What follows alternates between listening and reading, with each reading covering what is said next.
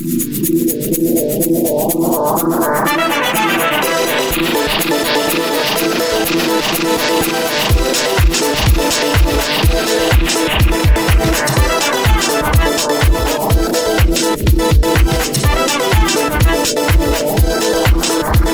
back.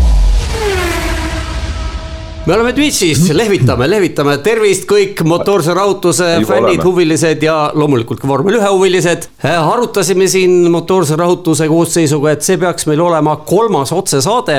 kunagi me tegime Õismäe FK keskusest Kanada Grand Prix otseülekande ja siis me tegime äh, Tartu podcast'i festivalilt ühe otse erisaate äh, Ralf Aroniga. aga täna nagu lubatud, mm, vormel üks kahe tuhande kahekümne kolmanda hooaja kokkuvõttev saade, mina olen Toomas Vabamäe, täna saatejuht, minu paremal käel Tarmo Klaar tervist. mustas puisas, meil on muuseas, meil kõigil on temaatilised puisad, kui te vaatate. minul on rohe. must, jah. mul on roheline ju kollane, mina näen, et on kollane. sinine. no vot sinine ja Martin Arak minu vasakul käel mustas puisas. tere, tere. ja Fredi Edwin Esse seal ekraanil kaugel Ameerikas, tema on pannud võitjameeskonna ekipeeringu endale selga. pugeja. õige, tervist, ma, ma pean ikka nagu tugevamat tiimi toetama, et ise ka olla äge ja viibime siin hubases Õhtulhe stuudios, kahjuks eh, meie plaanid põhimõtteliselt läks nagu Ferrari taktikaga, olid meil plaan A, B ja C, kuidas tehniliselt seda asja korraldada, kõik lendasid aknast välja. nüüd hakkame plaani D järgi tegutsema. hakkame siis eh, saatega pihta kui pikaks see kujuneb, on raske öelda, tõenäoliselt me teeme pärast podcast'ina selle kaheosaliseks. Twitch'is muidugi jookseb loodetavasti kogu aeg, kui meil akud vast ei saa tühjaks, kõik asjad on siin ühendatud vooluvõrku, ehk ei lähe elekter ära, aga hakkame siis algusest peale. ma tahan teilt esimese asjana küsida, mis asi teile kõigepealt üks hetk, mis kõigepealt meelde tuleb, kui räägitakse vormel üks hooajast kaks tuhat kakskümmend kolm Tarmo minul tuleb Singa-, Singapuri Grand Prix meelde ja see, kuidas äh, Ferrari taktikaosakonna võttis üle Sainz. Martin? Äh, eeskätt võib-olla see, et kole pikk hooaeg oli, selline vinguv vastus küll, aga, aga ma pidin päris palju vaeva nägema, et ennast kurssi viia sellega, mis seal hooaja alguses toimus, et ei kippunud enam väga mäletama. ja Fredi? Verstappen, lihtsalt see masendav ülekaal.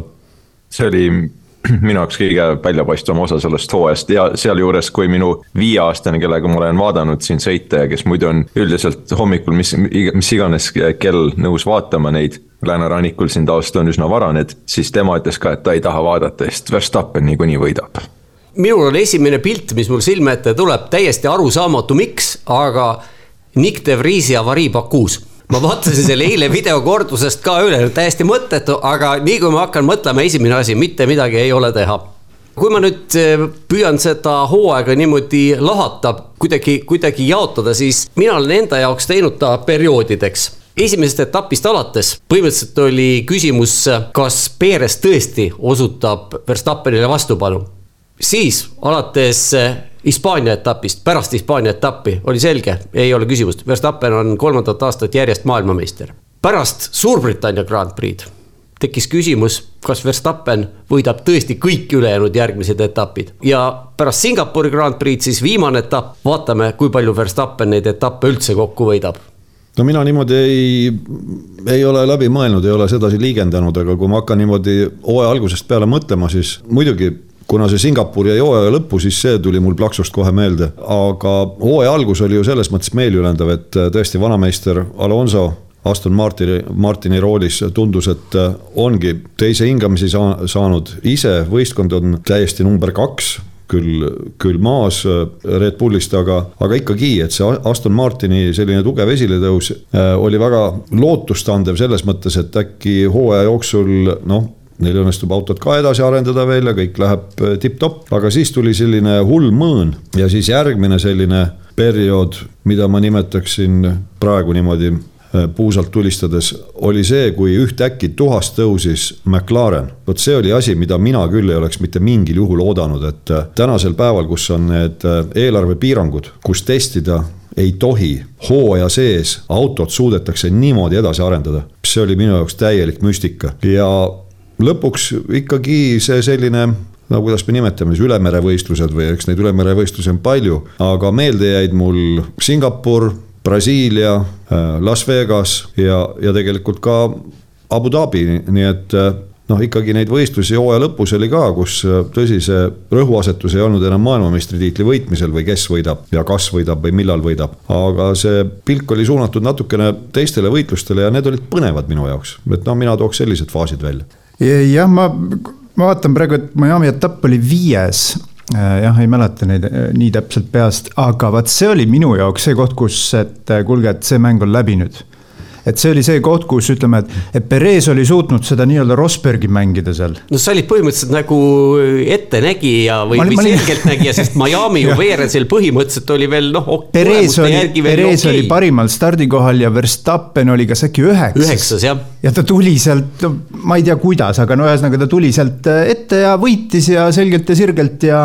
ja pärast seda no ei olnud kordagi küsimust, et kas teil näiteks Sandvortis oli küsimus, kas Verstappen võidab selle etapi, isegi Sandvorti oludes? Ei olnud enam seda küsimust. ja, ja, ja nagu me siin ka rääkisime selles, ma ei mäleta, kas mina selles saates just olin, aga kui me rääkisime Singapurist või kui mina sellest kellegagi rääkisin, siis, siis tegelikult puht matemaatiliselt oleks, olnuks ka võimalik see, et Verstappen oleks äh, ette tulnud. Esikohale et jah, ma, ma nii-öelda, ma, ma rohkemateks perioodideks nagu ei, ei jaotaks seda, seda siin äh, sellepärast, et ma ei teeks miskit erinevalt kui teie kaks siin eespool, et. Äh. ühesõnaga, ühesõnaga ma saan aru, et me nüüd võitleme selles, et kes sai varem aru, millal, et, et Verstappen on juba maailmameistriks tulnud. Fredi, kas sinul oli juba hooaja alguses enne esimest etappi selge?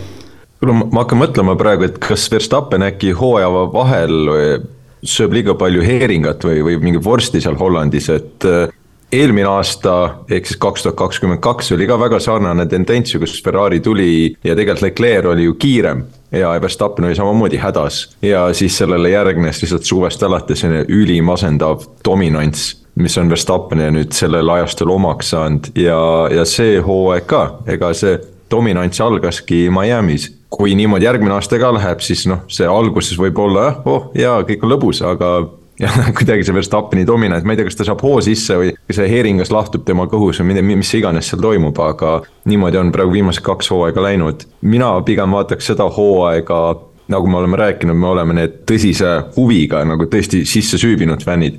siis äh, see oli kogu aeg lugusid erinevatest väikestest nagu mini peatükkidest või, või midagi sellist ja, ja need peatükid olekski siis, et kuidas Ferrari saab hakkama Mercedese draama, ütleme niimoodi, tegelikult Mercedesel oli see parem hooaeg kui eelmine, aga samas ka kehvem, ka no kaks asja juhtus seal. samamoodi juba Tarmo mainis Aston Martini tõusu ja see oli väga põnev ja tõesti nagu hea jälgida, et see meenutas sihukest veidi nagu Brown GP aega veidikene, et selline tuhas tõusmine ja nagu Tarmo ka mainis, McLaren. McLaren oli äh, fantastiline lugu ja alguses oli jälle väga masendav lugu, hooaja algus jälle see Miami oli vist nende hooaja madalpunkt, kui nad ei saanud isegi kuu ühest välja, nii et selliseid erinevaid miniseikasid siin ja seal on olnud, noh pluss okei, paneme Alfa Tauri veel juurde, kus, kus nemad on siin intriigi loonud oma sõitjatega, kõik, kõik see, mis on seal toimunud nende ümber. nii et igasugu erinevaid selliseid minipeatükke läbi hooaja on olnud ja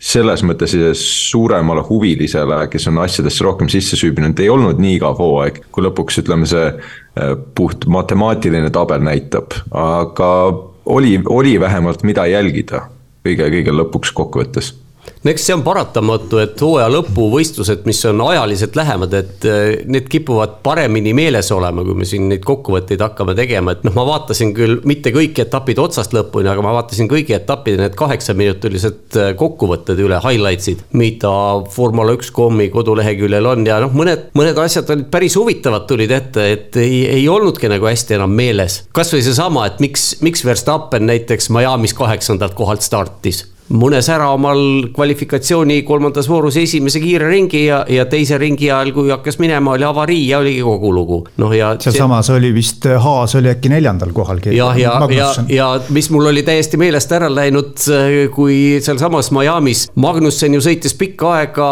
Leclerc'iga võidu, vahetasid uhkelt kohti noh, võiks öelda peaaegu, et Haasi hooaja, hooaja parim võistlus, aga kui me nüüd niimoodi räägime, siis võimatu on mitte küsida, milline oli sinu meelest hooaja parim võistlus? no ikkagi ma jään selle Singapuri juurde, sellepärast see oli nii kontekstist väljas üle, ülejäänud hooajast ja, ja tõesti ütleme minu jaoks Sainz näitas ennast uuest ja huvitavast küljest ja tunnistan ausalt, et ma ei ole Saintsi, no võib-olla teenimatult siiani väga kõrgelt hinnanud, aga paistab tõesti, et see on üks neist sõitjatest, kes sõidu ajal kogu aeg mõtleb ja siinkohal soovitan kõigile soojalt, kes meid kuulavad, kuulata Beyond the Grid Franz Tostiga seda podcast'i. Seal, kus ta seletab ka lahti mitmed sõitjad, mis ja kuidas ja millised nende arengufaasid on ja ütleme nii, et äh, tänasel päeval Sainz on tõesti kõvasti edasi arenenud, ta on, no ta ongi tippsõitja tegelikult, äh, kes suudabki jälgida võistluse käigus võistluse käiku. Ma olen Tarmoga nõus, ma segan nii palju vahele siis Martini korral, aga ma olen Tarmoga täiesti nõus nii selle Singapuri osas kui ka Saintsi osas. jah, vaata Saintsil on hea kaasmaalasest äh, õpetaja, eks Alonso, aga ei no Singapur on, mina ütleks, et see on selline vormel ühe nagu klassika, mitte tuimalt lihtsalt selle hooaja eh, selline säravam võistlus, samas eh, Saintsiga seonduvalt kohe ma ütleks ka näiteks Monza ja muidugi Sandvort. Sandvort oli lihtsalt sündmusterohke. ma isegi ei mäleta, kas, kas ta nüüd ka põnev oli, aga, aga seal lihtsalt toimus nii palju, et teda oli nii-öelda nagu huvitav vaadata, nagu põnevusfilmi vaata ma küsisin, et milline parim võistlus on, et eks see parim ongi niisugune, niisugune. no Singapur, sellisel juhul Singapur. segane määratlus, okei okay,, mina ütlen ikkagi, siis mina jään Sandvorti juurde kindlaks, et noh, ma panin, võtsin enda, enda jaoks kolm sellist kandidaati, mis minul tegelikult olid.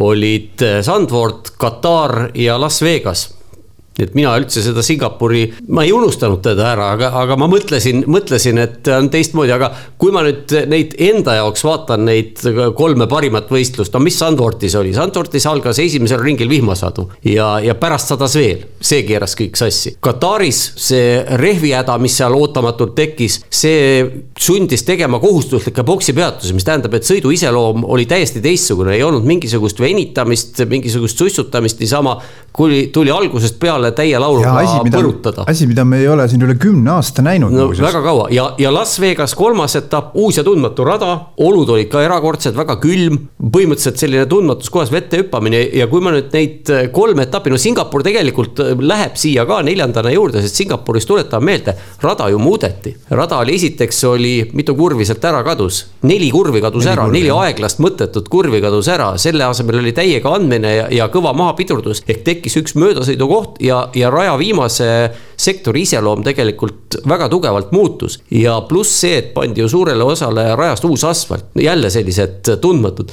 siin ongi retsept vormel ühele olud peavad olema sellised, mis tiime üllatavad. ja ma ütlesin seda, ma ei mäleta, kas ma ütlesin seda meie saates või, või aga ma võin seda veel öelda, et ma olen üsna kindel, et tuleval aastal Las Vegases nii ägedat võistlust ei tule just nimelt seetõttu, et tiimid teavad, mida oodata ei, Las Vegase osas ei jah, jah nõus, sellepärast et äh, siis on juba, kogemus on all nii-öelda, aga muidugi Las, Las Vegases, mis seal üllatusi võib tuua, noh loodetavasti seal igasuguseid kanalisatsioonikaeve ja, ja maakraanikaeve ei hakka lendama kuhugi, aga ma saan aru, et äh, kontseptsioon saab olema sama, et ikkagi rada avatakse ava, liiklusele pärast seda, kui vormel üks on oma sõidud sõitnud. kui see nii jääb, siis jällegi need rajaolud on sellised, et äh, kõik hakkab iga sessiooniga otsast peale. jah, tõenäoliselt, tõenäoliselt on, aga, aga see jälle mängib ju just selles, sedasama kaarti mängib välja, et äh, oleks sellist ettearvamatust, tiimid ju tahaksid kõike simuleerida omal miljon korda läbi, et nad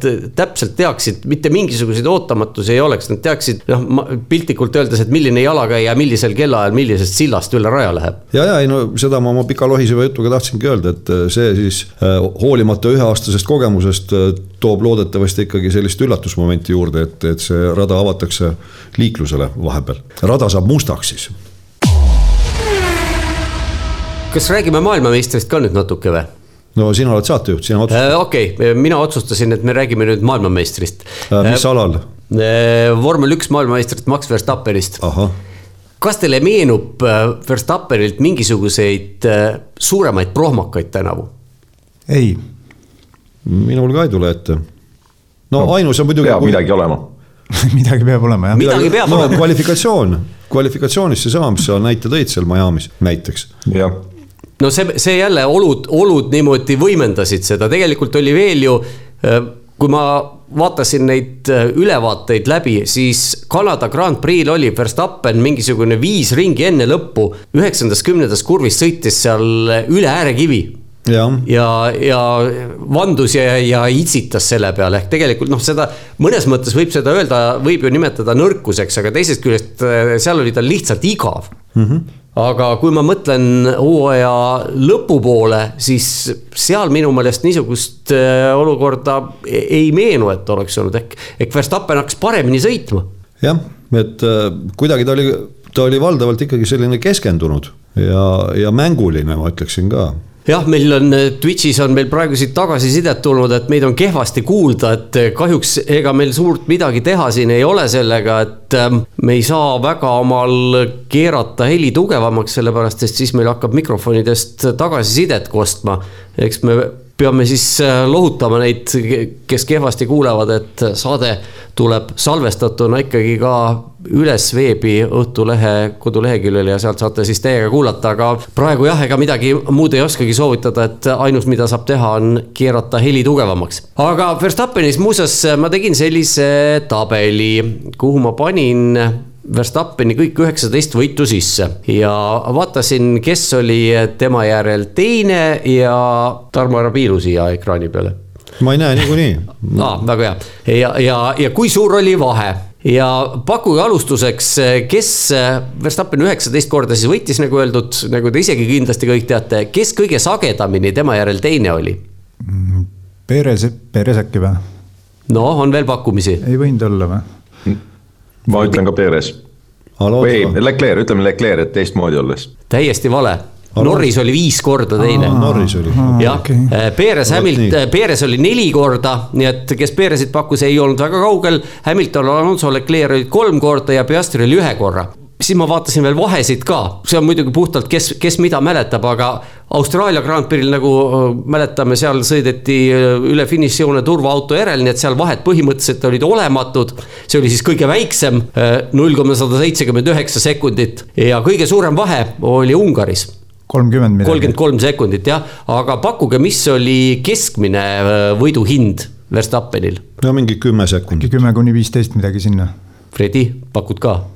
ei no mis seal pakkuda, me ütleme, ma ütlen kaheksa koma nelikümmend kolm. Ei, kaksteist koma sada kuuskümmend kolm. Ja, ja kui me nüüd need noh, kaksteist sekundit oli keskmine, kusjuures ega see, see Austraalia suurt ei muudaks, nii veider kui see ka ei ole. sealt tuleks äh, alla sekundi tuleks juurde, aga kui me nüüd mõtleme veel sellele, et keskmine võistlusdistants oli kuuskümmend üks ringi, siis see tegelikult tähendab, et Verstappen kogu hooaja jooksul kõik ringid, mis sõideti, neid oli, palju neid oli, tuhat kolmsada kakskümmend viis, igal ringil oli keskmiselt jälitajast lähimast jälitajast null koma kaks sekundit kiirem ja null koma kaks sekundit oli ka, enam-vähem null koma kaks sekundit oli ka keskmine kvalifikatsioonivõidu hind. ehk tegelikult Verstappen oli ikka täiesti omaette maailmas no see ei näita täit tõde selles mõttes, et mina arvan, et ta oli oma, omaette galaktikas, sest paljud võidud olid ju sellised, kus ta lihtsalt kontrollis olukorda, ta ei sõitnud rattade alt ära. et see vahe oleks võinud olla mitmel etapil palju pikem. ja kindlasti, aga noh, samas siin on ka teist, teistsuguseid, näiteks Hollandis ju saadi ainult kuus ringi pärast turvaautot sõita noh, USA-s oleks Hamilton äh, jäänud äh, siin, äh, ei oleks teda diskvalifitseeritud, oleks vahe olnud ainult mingi kaks sekundit. no Las Vegas oli teistpidi, eks ole, Verstappen lõpus võttis ju täiesti hoo maha, aga näiteks Abu Dhabis oli jälle teistpidi, et oli Leclerc, kes lõpuks sai teise koha, tema võttis hoo maha, nii et noh, muidugi see ei ole, see ei ole nüüd sajaprotsendiline tõde, mida, mida seal viimastel ringidel sõltu-, sõltuvalt sellest, mis tehakse, aga noh, ikkagi selline, selline piltlikult öeldes on, on päris, päris huvitav no ja vaata, see progress oli seal natuke teistsugune ka, et, et et ütleme, kui start lahti läheb, mida Verstappen harilikult teeb, et ta ei hakka ju null koma kahe kaupa seda vahet kasvatama, harilikult ta sõidab kõigepealt üks koma kaks sisse ja siis hakkab vaikselt tiksuma, eks täpselt nagu ka Abu Dhabis oli, et see vahe ei läinud võistluse käigus kunagi liiga suureks, kuni ta siis lõpuks läks suureks, eks. et, et jah, ta hoidis ja, ja noh, see on see muidugi niisuguse moodsa aja eh, ütleme, see rehvi teema ja, ja, ja see, see tuleb mängu, moodsa aja vormel üks ta on selline et ei sõideta kahe ringiga enam eest ära. no ma saan aru, et Verstappenil põhiline selline taktika oli esimesel kahel ringil sõita üle sekundi eest ära just sel põhjusel, et kolmandast ringist reeglina alati just. oli DRS kasutusel, et vastasel ei oleks seda võimalust DRS-i abil kuidagigi midagi seal tegema hakata. ja nii ja..., nii tobe, kui see ka ei kõla, tegelikult on, mida ju arvestatakse, on ka see, et alati arvestatakse reaalajas seda nii-öelda boksipeatuse akent ja seal äh, ja, ja, ja teisest küljest arvestatakse ka seda, et äh, ei, ei jõutaks liiga kiiresti järgi mahajääjatele et see on ka teinekord nii-öelda nagu problemaatiline, kui sa, kui sa liiga kiiresti hakkad äh, ringiga sisse tegema teistele tüüpidele. no see on jah, lühi, lühematel, lühematel radadel Just. tegelikult täitsa, täitsa probleem jah, et võivad mahajääjad ka jalgu jääda et seal no,. Monaco on, Monaco on veel üks näide, kus äh, meelega ei sõidetagi kiiresti, hoitakse rivi enda taga kinni. et keegi ei saaks undercut ida ja siis kukuks muidu just äh, liiklusesse, nii et see on erinev, erinevad jah, erinevad äh, etapid tähendabki erinevaid taktikaid kindlasti no eks see, see niisugune, see nii-öelda Monaco taktika, eks seda kasutatakse ju teinekord mujal ka, kui on, kui on just sellised rajad, kus on keerukas mööda sõita ja, ja noh, rehvidega on teada, kuidas, kuidas see olukord kujunema hakkab, et tihtipeale ju tehakse seda, aga huvitav on see, et vot jälle kipub vägisi MotoGP-ga võrdlus. kui vormel ühes on sellised rehvi hoidmise etapid, siis need on kõige igavamad. MotoGP-s vastupidi, need on kõige põnevamad. ma mõtlesin, et kas sa tahad nüüd MotoGP-st rääkima hakata? ei taha, ma lihtsalt, lihtsalt, lihtsalt tahan sellise, sellise huvitava võrdluse, mis huvitav, mis ta nüüd nii väga huvitav ikka on. räägime teisest huvitavast, paneme jutumärgid ka ümber, huvitavast asjast, sprindid sprindid on nüüd äh, kolm hooaega olnud. Verstappen tänavu kuuest sprindist äh, võitis neli, ükskord oli teine, ükskord oli kolmas ja kogus sprintides, kohe ma ütlen, mitu punkti, nelikümmend viis punkti. Perez sai kakskümmend viis punkti, temaga ühe korra võitis Aserbaidžaanis ja Sainz kakskümmend kaks punkti ja see üks võit siis läks äh, Piastrile Kataris. no viimasel nädalal, viimasel võistluseelsel nädalal tuli info, et tiimid on otsustanud, et tuleb hakata otsustada midagi selle sprinti formaadi kohta. kas sel üldse on mõtet, see on iga aasta edasi, minu meelest on järjest mõttetumaks muutunud, nagu Fredi on siin mitu korda öelnud, et äh, sprint on selline koht, kus rikkad saavad rikkamaks ja vaesed jäävad vaesemaks. Aga, aga see on see rik-, rikkaks saamine või ütleme, rikku, rikkuse juurde kühveldamine on, on ainult selle formaadi tõttu, see ei ole see ei ole nagu otseselt selle sündmuse viga. kui tõesti tehtaks nüüd äh, muudatusi, et võib-olla pööratud järjestus ja, ja eraldi punktid, mis ei lähe sellesse üld äh, edetabelisse, maailmameistri edetabelisse või maailmameistrivõistluste edetabelisse, siis sellel oleks rohkem mõtet minu arust, sest ma pigem vaatan ikkagi sprindisõitu kui mingi teist vabatreeningut või, või kolmandat vabatreeningut, midagi sellist, et selle, selles mõttes vähemalt on midagi rohkem vaadata ja mina olen pigem sprindivõistluse poolt just seetõttu. Aga selle ümber, sealt tuleb see nagu see korralduslik pool, seal tuleb äh, midagi, midagi tõsist tuleb muuta, sest sellel tõesti ei ole mõtet, et Verstappen sai veel nelikümmend viis punkti endale juurde, et nende edumaad teistest suurendada, et seal ja Perez teine ja Sainz kolmas, et see ei ole nagu mis selle mõte on, siin vaatame tagaotsa meestest, kes siin olid, äh, kes said punkte. Gasly sai kaheksa, Stroll kuus, Tsunoda kolm, Hülkenberg kolm, Albon kaks ja Ocon kaks nagu see ei, see sõna otseses mõttes see kinnitabki lihtsalt, et rikkad saavad rikkamaks, et see on, sellel ei ole nagu väga, väga suurt, ta ei aita kaasa selle üld maailmameistrivõistluste edetabeli põnevamaks tekitamises. aga kui nüüd seesama, mida sa mainisid, et pööratud stardijärjestus, no seda on ekstremistid on seda algusest peale pakkunud, aga see on alati saadetud kuu peale või kuu taha või, või, või veel kuskile veel pimedamasse kohta. et ei klapi vormel ühe DNA-ga kokku. no hea küll, see DNA olgu temaga on, vormel üks autod olid ka alguses eesmootoritega, et see peaks ju ka DNA olema, aga see on minu meelest, on väga hea lahendus, aga kui nüüd hakatakse välja minema selle peale, et sprindisõidud ei anna MM-võistlustele punkte stardijärjestust, ma saan aru, nad ka Grand Prix ei äh, määra, siis mis mõte nendel üldse on?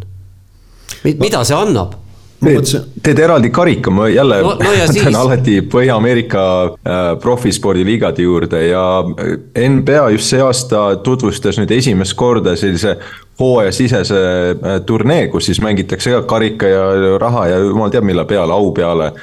ja töötab väga hästi, NBA-l on, on reitingud üle, üles läinud, seetõttu inimesed rohkem vaatavad neid, pakub tõesti pinget, miks mitte vormel üks ei või seda ka teha niimoodi samamoodi hooaja sees, jalgpallis tehakse seda samamoodi, mängitakse karikate peale. vormel üks ei ole nii eriline, et nemad ei saaks seda teha. kuule, aga kas ei võiks just nagu hoopis nagu niipidi olla, et äh, ma ütlen ära, et ma olen, mulle need tänavuse aasta sprindid üldse ei meeldinud endale et ma olen Frediga selles mõttes nõus, et täpselt, et noh, et mida seal nagu suurt vaadata oli, et, et noh, et Verstappen oli eramustes nende sees jälle ja, ja noh, selles mõttes ei toimunudki miskit, on ju, pluss see punkti vahe jälle kärises, hea küll, seal Hülkenberg, kes iganes, sai ka võimaluse punkte teenida. aga kui olekski, et ta punkte ei anna, aga ta toimib nii-öelda kvalifikatsioonina, siis oleks tal mingi point vähemalt, siis ei saaks vähemalt rikkad rikkamaks. see kvalifikatsiooni aseainena see ju esimesel aastal oli, see hääletati maha, pidi, pidi, minu meelest oli see väga mõistlik. tagantjärgi tundubki, et oligi no. mulle ka tundub mis asi oli mõistlik, et ta oli kvalifikatsiooni eest või? jah. nojah, eks see on, see on selline nii ja naa, ma just tahtsin seda öelda, et pärast esimest hooaega ju see oli kohe vastukarva, aga no olgem ausad, ega seal vormel ühes reeglina kõik uuendused on alguses vastukarva, et ega seal keegi ei ütle hurraa mitte millegi peale, olgu ta siis mõistlik lahendus või mitte, aga minu jaoks ka see on natukene kummaline, et juhul kui minnakse selle peale, et see sprint MM-i arvestuses punkte ei anna, siis mis see motivatsioon on ja kuidas nad siis ütleme rahaliselt selle asja, asja kompenseerivad, et äh, tahetakse, et sõidetaks võidu, et keegi ei hoiaks tagasi. aga kui sõidetakse võidu, siis paratamatult tekivad kontaktid, autod lagunevad. mis selle asja no üldiselt, kuna seda kontseptsiooni ei ole lahti seletatud, mida tahetakse teha, kõigest on otsustatud, et tuleb otsustada, et midagi on vaja ümber muuta, siis meie võime siin ju igasuguseid asju spekuleerida, aga minu jaoks ka kõige mõistlikum oleks see, kas nüüd ka, aga minu jaoks kõige mõistlikum oleks see, et otsustatakse ära mingis ulatuses pööratud järjestus ja punkti saab ikka. Mina pigem premeeriks võistkondi mitte punktidega, vaid ütleme siis inglise keeles on allowance, mingite selliste lisaasjadega, mida nad muidu, mida neil muidu ei oleks, näiteks anname mingi lisa raha neile selles või et nad saavad lisa kulutada selles eelarve, eelarvepiirangute määras, ütleme.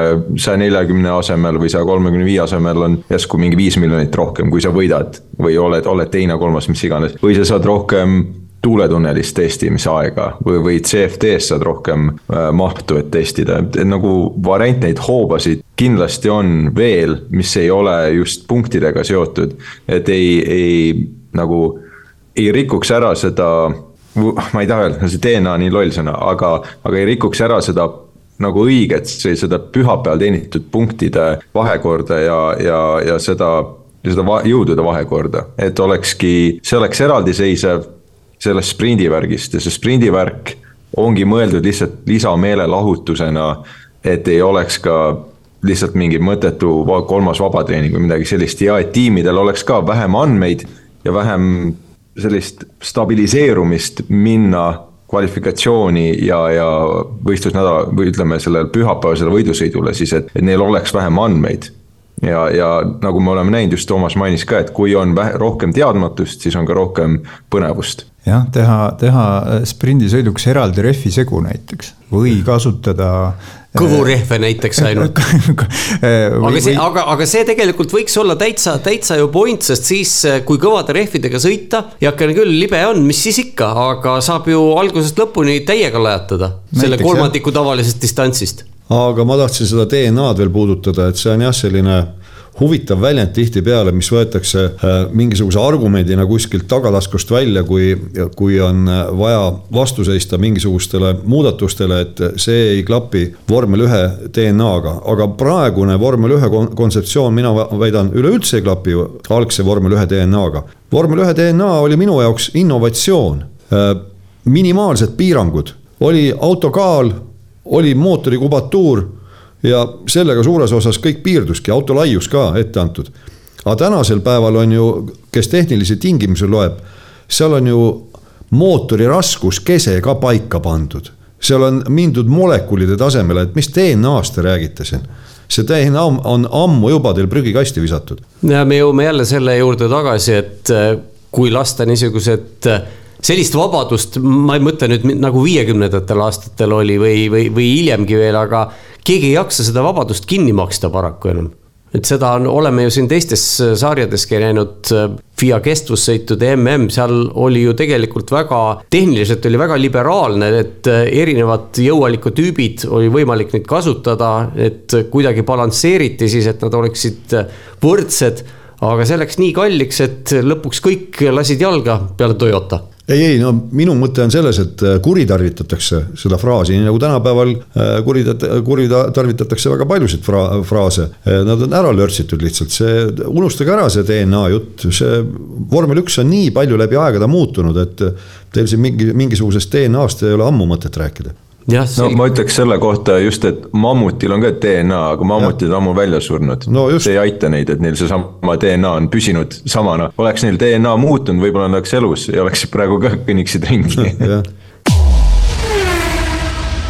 Kuulge, aga vaatame nüüd selle DNA-ga vahetult seotud üks teine selline reegel, mida tänavu mis oli liiga palju kõneaine ja mida rikuti ühel etapil väidetavalt või vähemalt uuriti väidetavalt tuhat kakssada rikkumist, rajapiiridest on siis jutt. nüüd äh, oli see Abu Dhabi etapi eel, kui FIA ülitas pika-pika äh, pressiteksti, kus siis räägiti, kuidas hakkab tehisaru tulevikus jälgima rajapiiride ületamist kaamera pildi põhjal ja teeb siis selle esimese valiku, noh, sealt peaks siis umbes kakskümmend protsenti nendest eh, kahtlustest, kahtlastest juhtumitest peaks siis edasi minema žürii kätte uurimiseks. kaheksakümmend praagitakse siis välja, mis ei ole kindlasti rikkumised, aga kas see on siis nüüd lahendus? No vormel üks on ju kõrgtehnoloogiline tehnikaspordiala, et äh, lahendused minu meelest neil on, võtku eeskuju siis jällegi MotoGP-st, kus seal sentimeetri täpsusega pannakse paika, noh konkreetselt äh, Brad Binder sel aastal kaotas omal minu meelest ühel nädalavahetusel, kas see oligi Asseni nädalavahetusel ka, kaotas nii, nii sprindisõidus kui põhisõidus kolmanda koha, sellepärast et äh, ületas rajapiire ja suudeti tuvastada. no seal fikseeritakse automaatselt, on andurid, andurid on äärekivi taga, nii kui sa oled sentimeeter üle, plaksti, mitte mingit vaidlemist. jah, lihtne ju, mis see vormel üks teistmoodi siis nüüd on, samamoodi ju rattad, kui ületavad äh, valge joone. täp-, täpselt sama kontseptsioon ju ma mäletan, et me filosofeerisime siin selle Austria GP saate ajal sellel teemal päris pikalt ja.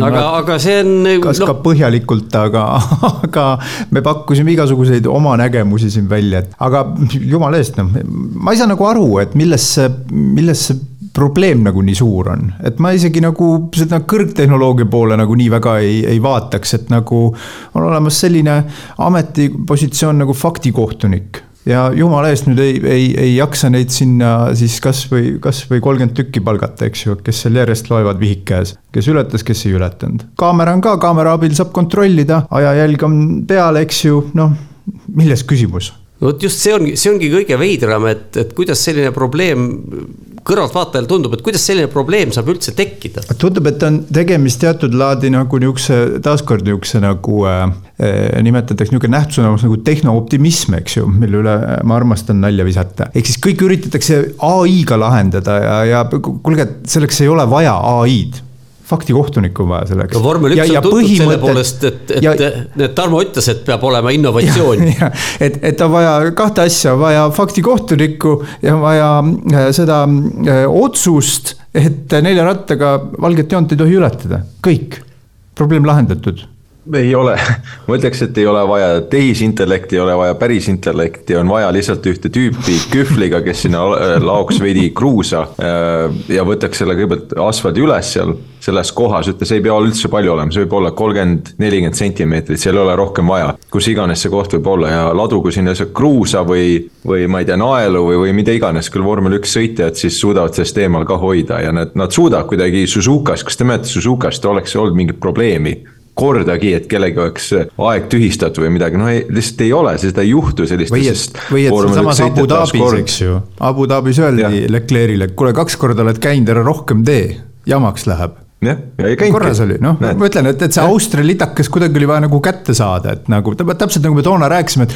et äh, kuulge, kui nüüd nagu homme sõidetakse sealsamas kohas ilmselt ei käiks mitte keegi pärast seda, kui need kohad kõik seal ära tühistati ja mida seal tehti, tõsteti. seal ei lõpetanud ükski sõitja vist õigel kohal, välja arvatud Verstappen või, umbes midagi taolist toimus seal ma, ma veel lõpetan selle mõtteliselt sellega, kui Vegasesse suudetakse mingi, mis see oli, kuussada miljonit sisse laduda. kui Bakuus suudetakse iga aasta asfalt maha panna, uuesti üles võtta, siis äh, rääkige mulle, kuidas ei suudeta panna mingi kolmkümmend meetrit korda kolmkümmend sentimeetrit mingi riba kruusa kuskil kotas või, või, või äh, Red Bull ringil või kuskil mujal, no see ei, see ei ole loogiline lihtsalt. vormel üks kulutab piisavalt raha ja see asfalt ei ole nii kallis.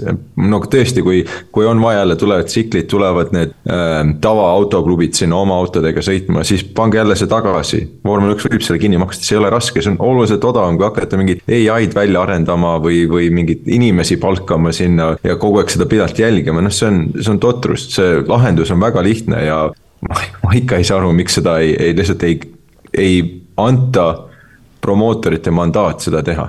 aga mida mina selle koha pealt tahan öelda, on see, et äh, selle rajapiiride ületamisega sel aastal eri, eriti minu meelest tuli välja, kuidas äh, sõitjad tihtipeale käituvad nagu väiksed lapsed, kes äh, peres kogu aeg kombivad piire, noh, sa, Fredi, eriti, sul on see käsil praegu.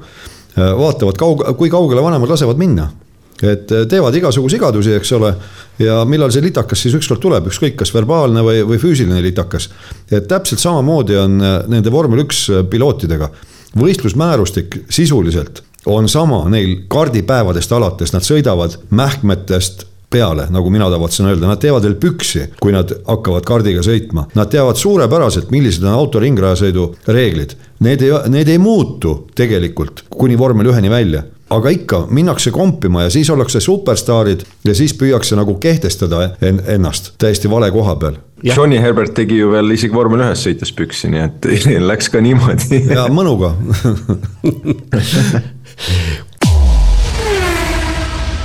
üks teine reegel, mida on ka siin viimastel aastatel või ma, ma isegi kõigepealt ma ei ütlekski reegel, aga, aga see nähtus ja see nähtus on eh, kvalifikatsiooni ajal aeglaselt rajal venimine. nüüd tänavu Niels Wittich eh, võttis härjal haaras sarvist ja hakkas sellega võitlema, aga mulle tundub, et mida rohkem ta võitles, seda, seda hullemaks see asi läks, ehk eh, üks reegli muudatus tekitas kohe järgmise häda, mis tekitas kohe järgmise häda, mis tekitas kohe järgmise häda no viimased etapid nüüd noh, Abu Dhabis viimane asi oli, mis keelati ära, oli tunnelis möödasõit. mida sellega asjaga teha? see oli veel vahetult pärast seda, kui kaks etappi enne öeldi, et tuleb mööda sõita, et see ongi just see koht, kus saab mööda sõita. no mitte nii-öelda tunnelis, aga siis just boksi teelt välja sõites. see on selle kogu selle asja traagika nagu või see, ütleme äh, jah, see, see ko komöödia pool seal taga ongi see, et meil on rajad, kus on äh, äh nii-öelda äh, boksist väljasõit on lahendatud tunneli abil, eks ju ja siis me jätkuvalt räägime siin rajapiiridest ja, ja kvalifikatsioonis liiga aeglasest sõitmisest, et, et vahva. ei no kuni sinnamaani välja, et äh, kui Verstappen seal, see oli siis kus ta meil nüüd oli, sealsamas Abu Dhabis, eks ole.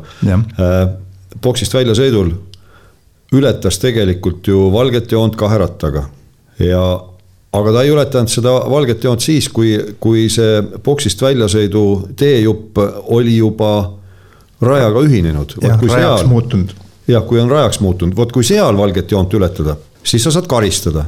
aga nüüd ta sõiti, sõitis varem kahe rattaga üle valge joone ja takkajärgi seal konkurendid ka minu teada esitasid järelpärimise Nils Wittichile, et äh, aga miks teda ei karistatud? aga tuleb välja, et reeglites sellist punkti pole olemas, mis seda rajalõiku kataks, et äh, siit näide jälle, et äh, paljudel sõitjatel pea töötab nagu, nagu koorelahutaja, et kas nad siis teavad reegleid otsast lõpuni, nii, nii nagu teab Alonso näiteks või, või siis nad lihtsalt lähevad jälle kompima, aga ega see on jah, selline hästi kuidagi kummaline äh, probleem tekkinud ja minul ei ole ka head lahendust pakkuda, aga mind lihtsalt paneb see kuidagi muigama, et äh, kogu aeg püütakse ühel samal ajahetkel olla korraga rajal ja siis äh, selgub kõigile üllatusena, et see pole võimalik, et tuleb välja, et segatakse teineteist, et kuidas sellisel kõrgtasemelisel spordialal ei suudeta aru saada siis, et tekivadki probleemid, kui te kõik korraga lähete rajale oma viimast kiiret ringi no samas me nägime nii mõnelgi etapil, kus äh, täiesti viimasel, viimasel äh, hetkel siis sõitma minemine oligi nii-öelda pärjas kõige enam. No sellepärast nad lähevadki. ja sellepärast nad lähevadki. just, et seal nagu ongi oma nagu põhjus olemas taga, et. aga kas ma võin siis, äkki ma olen ka mõelnud sellele, ei ole nagu tõesti peas sellist üliselget lahendust, aga vaielge vastu mulle, kui ma sellise asja välja pakun. see hakkab Äh, sul on miinimumaeg ette antud, eks ju, praegu ka, aga see hakkab kehtima, mis on see turvaauto joonest alates oli vist, jah, kui boksist välja sõidad. ja, ja. ja tuua see siis selle äh, valge jooneni, kus on for boksist väljudes et sellest hetkest hakkab sul aeg jooksma, noh see aeg või mis iganes, mis iganes etapil äh, võistlusdirektor määrab selleks miinimumajaks, aga see hakkab sealt jooksma.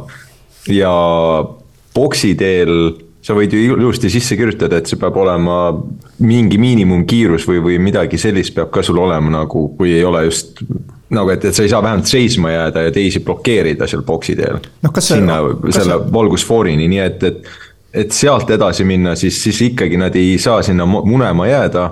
ja nad peavad oma ringi sõitma, kõigi jaoks on see võrdne, isegi kui nad ei saa oma rehve äh, töötemperatuurile või nad küpsetavad üle, siis ikkagi kõigi jaoks on tingimused samad noh, Abu Dhabi näide lihtsalt oli selles mõttes äh, tobe, et selle oleks võinud lahendada lihtsalt äh, ütleme niisuguse võistluste juhi või žürii otsusega. et seal ei tohi seista, see on kitsas koht, mis iganes. või noh. Mis ta nüüd nii kitsas oli, kaks autot mahtusid rahulikult no, mahtusid mööda jah, aga noh, ma ütlen, mida iganes äh, tegelikult saaks lahendada ka nii-öelda käepäraste võtetega jällegi. No tulevad meelde jälle, millega me saame võrrelda, võrdleme Indikaariga, Indikaaris lastakse esimeses voorus on kui palju, no lüüakse pooleks see võistlejate rivi, seal on siis kolmteist, neliteist autot ja. korraga rajal. no see ole, oleks ka vähem ikkagi kui kakskümmend ja, ja järgmistes voorudes on üldse kuus autot korraga ainult. no see on üks võimalus, teine võimalus, mida vormel üks kunagi proovis, aga, aga kuidagi äpardunud moel on see ükshaaval kvalifitseerumine. see oli eesmärgiga, et need väiksemad tiimid saaksid rohkem tele-eetrit. jah, aga, aga noh, tele-eeter tele-eetriks, ega nad seda nagunii ei saa aga ütleme, et kui lastagi ükshaaval, vähemalt viimases voorus niisugust asja on proovitud ju ka paljudes, noh, vormel üks tegi seda jah, häbarikult, aga, aga mulle tuleb meelde FIA turismiautode mm näiteks seal oligi. ja sa pead minema niimoodi ja, ja oh, mis, Indy viiesaja kvalifikatsioon, palun väga. seal on ju ka, see on ju, see on ju maailma kõige dramaatilisem kvalifikatsioon üleüldse. seal on muidugi igasuguseid muid nippe ka, aga, seal keegi ei kurda, et on, muidugi on ebavõrdne ja aeg-ajalt jorisetakse, aga, aga põhimõtte üle keegi ei kurda, et ükshaaval kvalifitseerutakse. no Indikaaris üldse ovaalidel ju kvalifitseerutakse, igal ovaalil kvalifitseerutakse ükshaaval. No Indi, jah, ja Indianapolis on veel hoopis eraldi, et seal sõidetakse ju neli ringi, mitte üks ja, ja igasuguseid asju no te hakkate mulle kõlama praegu nagu Bernie ajast vormel üks, et, et midagi muud jälle, DNA ei lubanud midagi muud puutuda, aga siis mindi kvalifikatsiooni kallale ja seda ja. nositi ühelt poolt ja teiselt poolt, aga, aga lõpp, lõppude lõpuks see midagi ei muutnud ja minu arust kvalifikatsioon on praegu piisavalt hea, no tõesti hea toode, mida vormel üks välja paneb, mida on meeltlahutav vaadata, nii et mina ei näe seal küll mingit probleemi et, et seda tuleks muuta, ma jätaks kvalifikatsiooni küll, küll äh, täiesti paika, et seal lihtsalt tuleb, tuleb veidikene neid nagu asju selle ümber sättida, neid ütleme reegleid, spordireegleid. kosmeetika jah?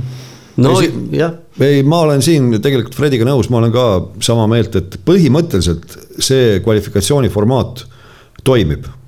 ei ole küsimust, aga nüüd on jah küsimus selles, et kas peaks sellega ette võtma midagi, et nad seal viimasel hetkel kõik tahavad korraga minna. siin, kui niimoodi rahulikult järgi mõelda, siis mina arvan, et tegelikult ka see tuleks rahule jätma, jätta. las nad siis rapsivad ja, seal omavahel. mõtleme niipidi, et, et äh, kaua meil see, ütleme, säärane formaat kehtinud on ja, ja palju meil on neid probleeme olnud okei okay,, ühel aastal Bernie tegi mingisuguse naljaka asja, mis seal Austraalias, kus viimase kümne minuti jooksul keegi ei tahtnudki rajale minna, oli, oli mingisugune selline no, asi, see lõpetati jaa, kiiresti ära. see oli ju. täiesti läbimõtlemata kontseptsioon. aga ma mõtlen palju neid, eh, noh, et keegi ei taha rajale minna, siis tahavad kõik koos minna, mingi aasta oli Monsas oli selline naljakas asi, kus kõik seisid karjakesi ja siis vist Sainz oli see, kes sealt täie hooga neist mööda pani ja ainsana ajakirja sai no, Sainz oli jälle ainus, kellel äh, nagu mõistus võttis tol hetkel, et tuleb sõita ka. jumala eest, no ei taha sõita, ei taha, eks ju, et no mis siis on, noh. no ja seal, seal on jah, mitte lihtsalt see rajaolud, vaid seal on kaassõitja tuulevarjus. sirge kiiruse ja. kogumine, see on seal, noh, see ju, Monza on üks nendest, noh, paljudes ütleme ma ei tea, noh, Monacos ei ole see mingisugune argument, seal no, on jälle muud asjad. jumala eest, tehke oma pokker face'e siis üksteisele, no mis siis on, noh. jah, ei. ka selle... teinekord huvitav vaadata ju. jah, aga lihtsalt see, see mulje, et hakatakse niimoodi ühte asja hakatakse parandama ja siis see toob mingisuguse laviini selliseid sekundaarseid jamasid kaasa, noh. mõnes mõttes on see niisugune tüüpiline vormel üks, kus, kus äh, kõiki asju aetakse kole keeruliselt. kuule, vaat, vaat siin võiks ai mängu tuua mil moel ärme nüüd sinna lasku, aga, aga noh, nii põhimõtteliselt, et rajapiire ei peaks nüüd küll ai-ga vast lugema, aga, aga. no selleks... mingisuguse jah, valiku teeb kas me, okei okay,, ma olen nüüd küll saatejuht, aga kas me nüüd äh, võtaksime ette kõigepealt äh,, räägiksime rehvidest või hakkaksime tiimide kaupa ükshaaval ette võtma? ma ütlen võistkonnad. sa ütled võistkonnad, mina ütlen ka võistkonnad nii, räägime Haasist siis kõigepealt, võtame ta tagurpidi. Haas eh, kolme aasta jooksul teist korda jälle punane latern. Haasi sõitjad kogusid kokku kaksteist punkti. muuseas eh, tuleb välja, et see on eh, kõigi aegade kõige suurem punktisumma, millega konstruktorite karikal on viimaseks jäädud.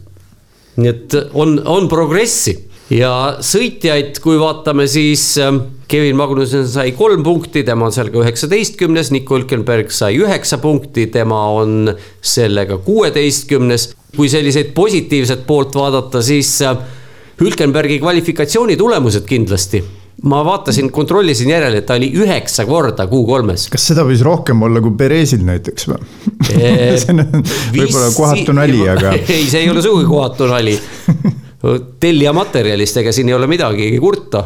Aga, aga muidugi ja, ja kas te seda mäletate, mis oli Hülkenbergi kõrgeim kvalifikatsiooni tulemus? teine, Kanadas. õige, no sealt ta tõsteti küll tahapoole, aga noh, see ei muuda asja. ikkagi, ikkagi teine koht Haasiga kvalifikatsioonis tundub, tundub nagu uskumatu, aga, aga kui me vaatame nüüd seda teist külge, siis no kas seda autot nüüd arendati, vist ikka arendati või, või oli see taandarendamine? no aren-, arendamine igal juhul ju, aga no minu jaoks oli nii naljakas, kui nad oma järjekordsed äh, uuendused tõid rajale ja siis äh, pärast järjekordset äh, suhteliselt head kvalifikatsiooni tulemust, kui küsiti Günter Steineri käest, et, et mis ta siis sõidust ootab, siis Steineri vastus oli midagi selles stiilis, et no ega vahet ju ei ole, kustkohast me stardime. lõpuks me oleme ikka punktidelt väljas. nojah, raske muidugi oli, see oli kus etapil, kas see oli Austinis või, või oli see mõnel järgmisel, aga, aga Austinis nad tõid välja ju oma selle suure, nii-öelda suure uuenduse, mis tegelikult treeningutel ju tundus esimese hooga, et on paljulubav. toimib jah Läks aga nagu sa mõtled need äh, Ameerika lipuga kleepsud, mis nad külje peale panid või? just, just. Austiniks jah, need no, töötasid väga hästi no ikka okei okay, nali naljaks, aga Haas oli, oli jah, selles mõttes nukker, et nad kaotasid või neil vähenes punktisumma kuuskümmend kaheksa protsenti, nad kaotasid kaks kohta eelmise aastaga võrreldes siis eelmise aasta üldtulemusega konstruktorite arvestuses. ja kujutate ette, nad ei olnud kõige kehvemad, ühel võistkonnal isegi kehvem hooaeg, kuigi äh, too võistkond ei lõpetanud viimasena, nii et on veel ruumi kukkuda, kui nii võtta. et ma, ma ei ütleks, et Haas kõige kehvem võistkond oli lihtsalt arvestades seda aasta eelneva äh, baasi, nii et üks tiim jõuab nendeni, aga oli veel kehvem. Haasil oleks võinud hullemini minna. no aga jah, vabandust, Tarmo. ei, ei noh, me ei näe teineteist praegu et äh, Haasi puhul on nüüd see küsimus tekkimas ja minu jaoks küll. et kui nad tulid alguses, siis nad olid ilusasti, juhtkond oli kõik reegliraamatu läbi lugenud.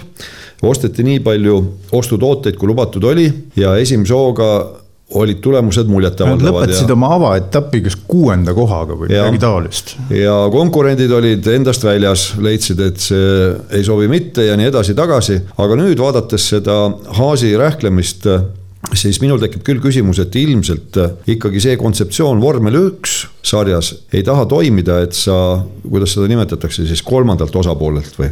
ostad tegelikult äh, teenuse sisse, intellektuaalne omand küll kuulub sulle, ütleme noh, Fredi paneb allkirja alla, et see on tema, äh, tema välja mõeldud auto, aga tegelikult selle auto on ju konstrueerinud Tallara. Auto, võidusõiduauto tootja, kes on erinevates sarjades väga edukas. Indicar sõidab täielt ju Tallara autoga, tõsi, aastast kaks tuhat kaksteist küll on peaaegu muutumatul kujul see auto, noh natukene kosmeetikat on tehtud. aga minu jaoks küll tekib see küsimus, et selleks, et edu saavutada vormel ühes, tundub, et selline kontseptsioon ei toimi aga nende kontseptsioon on muutunud ka nüüd aastatega, sest nad on ju hakanud tooma seda palju rohkem sisse nagu enda, enda äh, võistkonda, seda just disainimist ja kõike seda, et minu, minu teada Tallara osakaal selles on, on vähenenud ja auto selline peakonstruktor ikkagi on Sim-, Simone Resta, äh, endine Ferrari, Ferrari inimene ja, ja samamoodi palju endiseid Ferrari inimesi on tulnud üle äh, nüüd nende eelarvepiirangute tõttu Haasi, nad on jäänud küll sinnasamasse Maranellosse, isegi Ferrari on andnud eraldi maja Maranellos Haasile, kus needsamad inimesed siis liikusid ühest majast teise ja, ja töötavad seal, aga, aga niipidi võttes ka, kas siis Ferrari annab oma parimad inimesed ära või no ei, ei anna ju, et kui oli vaja eelarveid kokku tõmmata, siis ikkagi riisud seda mitte koort, vaid, vaid seda põhja, põhjavedelikku rohkem annad ära. nii et, et see võib ka olla täitsa oluline osa selles Haasi hädas autot edasi arendada, kõigepealt disainida jah, ja, ja edasi arendada. eelmine aasta neil see kontseptsiooniga nad väga mööda ei pannud, neil oli pigem vist sõitjad äh, oli pigem see nõrk koht, eelmine aasta Magnussen oli tagasi pärast pausi ja, ja noh, Schumacher ei olnud, ei olnud nagu, nagu oma papa, nii et äh, oleks võib-olla Hülkenberg seal eelmine aasta juba olnud, oleks neil eelmine aasta veel tugevam olnud, aga, aga nüüd see selline allakäik on sellele järgnenud ja ilmselgelt nad ei, nad tõidki selle, seesama Austini upgrade oli neil ainukene märkimisväärne uuendus terve aasta jooksul. ja, ja isegi siis nad ei suutnud kokku leppida, et kummaga sõita, sest Las Vegases mäletatavasti ju Hülkenberg, Magnussen nad sõitsid erinevate äh, nende autodega, nii et jah tööd on neil päris palju ja tundub, tundub, et nad on veidi kaotsi läinud nagu oma arenduses ja, ja suunas. ja aga kui nüüd äh, vaadata sõitjaid, Ülkenberg tegi Magnussenile selgelt ja sirgelt ära, no iseenesest ei ole see võib-olla imelik, aga, aga et Magnussen üleüldse löögile ei pääsenud see oli päris üllatav jah, sellepärast et Hülkenbergil ju sellist aktiivse sõitja perioodi pole tükk aega olnud, ta on selline superasendaja olnud. Ja no vaadatakse ka nii-öelda äh, väljalaskeaastat, äh, siis Hülkenbergi oma ehk sünniaastat ja ei ole ta ju esimeses nooruses mitte, aga eks me pärast jõuame sinnani ka, need võistlejate edetabelid, mille, mille ma nii siin vahetult ennem saadet puusalt küll tulistasin, aga ikkagi ma panin esikümne lõppu sinna Hülkenbergi ja puhtalt oma kvalifikatsiooni tulemuste pärast. puhtalt sellepärast, et ta Haasi nii mitu korda pani äh, sinna kolmandasse kvalifikatsiooniperioodi ja, ja suurepärase tulemusega. no nii, kas me tahame Haasi kohta veel midagi öelda? kas, kas ma eksin, kui ma ütlen, et Hülkenberg on vanuselt kolmas või? Vormel ühes praegu Alonso ja Hamiltoni järel. peaks olema. Hülkenberg on kolmkümmend kuus. jah, jah. vot nii.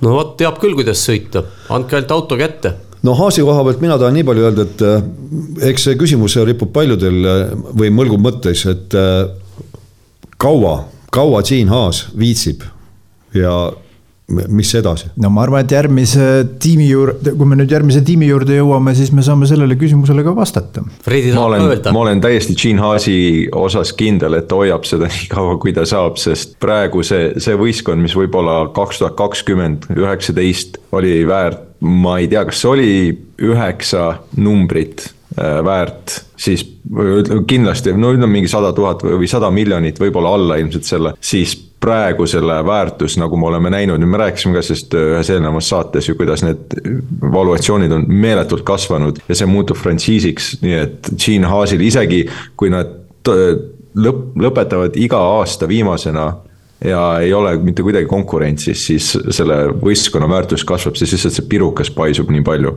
nii et Gene Haas on, on väga väga asjaliku investeeringu teinud, kui võtta nüüd seitse aastat hiljem. jah, ma ruttan siin ette, et et Alfa Romeo tegevjuht ütles siis seda, et, et nende, nende see kuus aastat, mis nad siin sarjas on olnud, nimisponsorina küll ainult, mitte siis konstruktorina, on neile iga euro toonud tagasi kahekümnekordselt, see on see, mida tema ütles.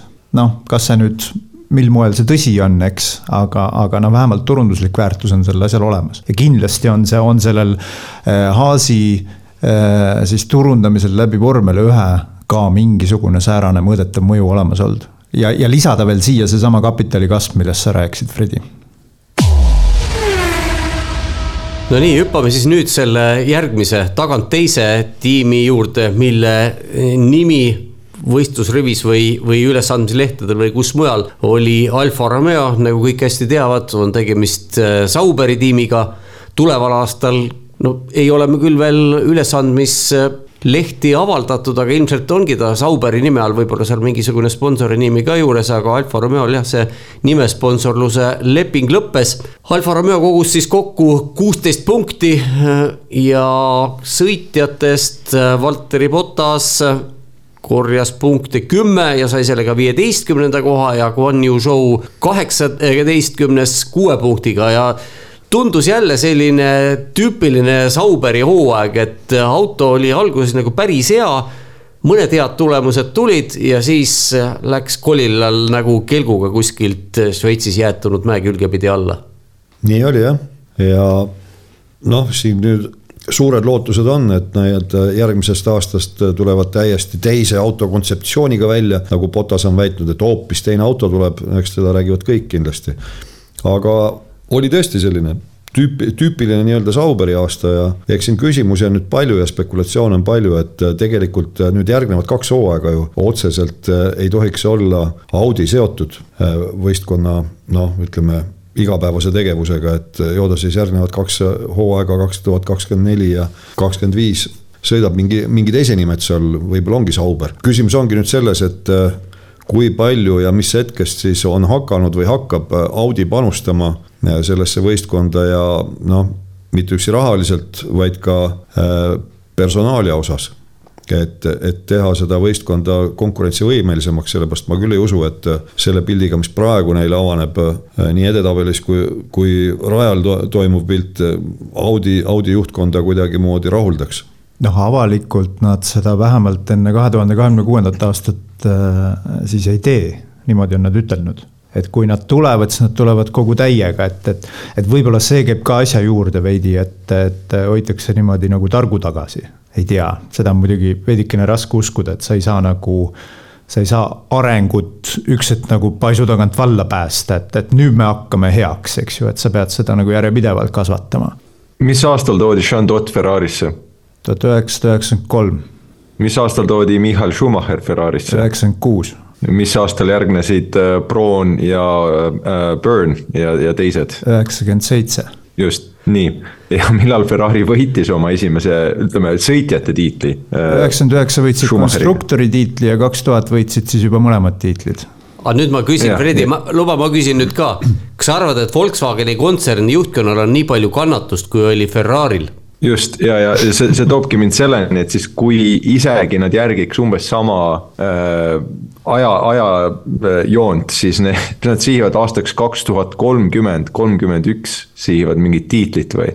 Ja, ja teades, kuidas need kontsernid töötavad, mis nende mõtlemine on, siis nemad ei hakka mitte kuidagi üldse, miks peaks olema Audil mingi motivatsioon raha pumbata sisse võistkonda, et, et neil hästi läheks ja ise nad ei saa sellest mitte nagu saada null äh, eurot äh, mingit marketingi väärtust sellest, miks nad peaksid panema hullu raha selle alla nii kaua, et ühesõnaga mõtlemine ongi, et nad tulevad kaks tuhat kakskümmend kuus sisse ja siis hakkavad investeerima või. et, et siis mingi aastaid, aastaid hiljem lõpuks mingi kasu lõigata selle pealt, et no on, kas see on nende tõesti see on, mõtlemine praegu? see on ametlik seisukoht see on, see on see, mis laiemale avalikkusele on välja öeldud. no ega Audi investeeringud ei ole siis ainult sellesse Hinwili baasi, kus Sauber asub. Audi suured investeeringud on tegelikult tehtud tema enda, mis iganes selle linna nimi Saksamaal oli, kus nende mootorispordikeskus asub. põhimõtteliselt see on ehitatud kaks korda suuremaks, sinna on tohutult rahvast juba palgatud seal juba mootoritestid, Audi väitis, et tänavuse hooaja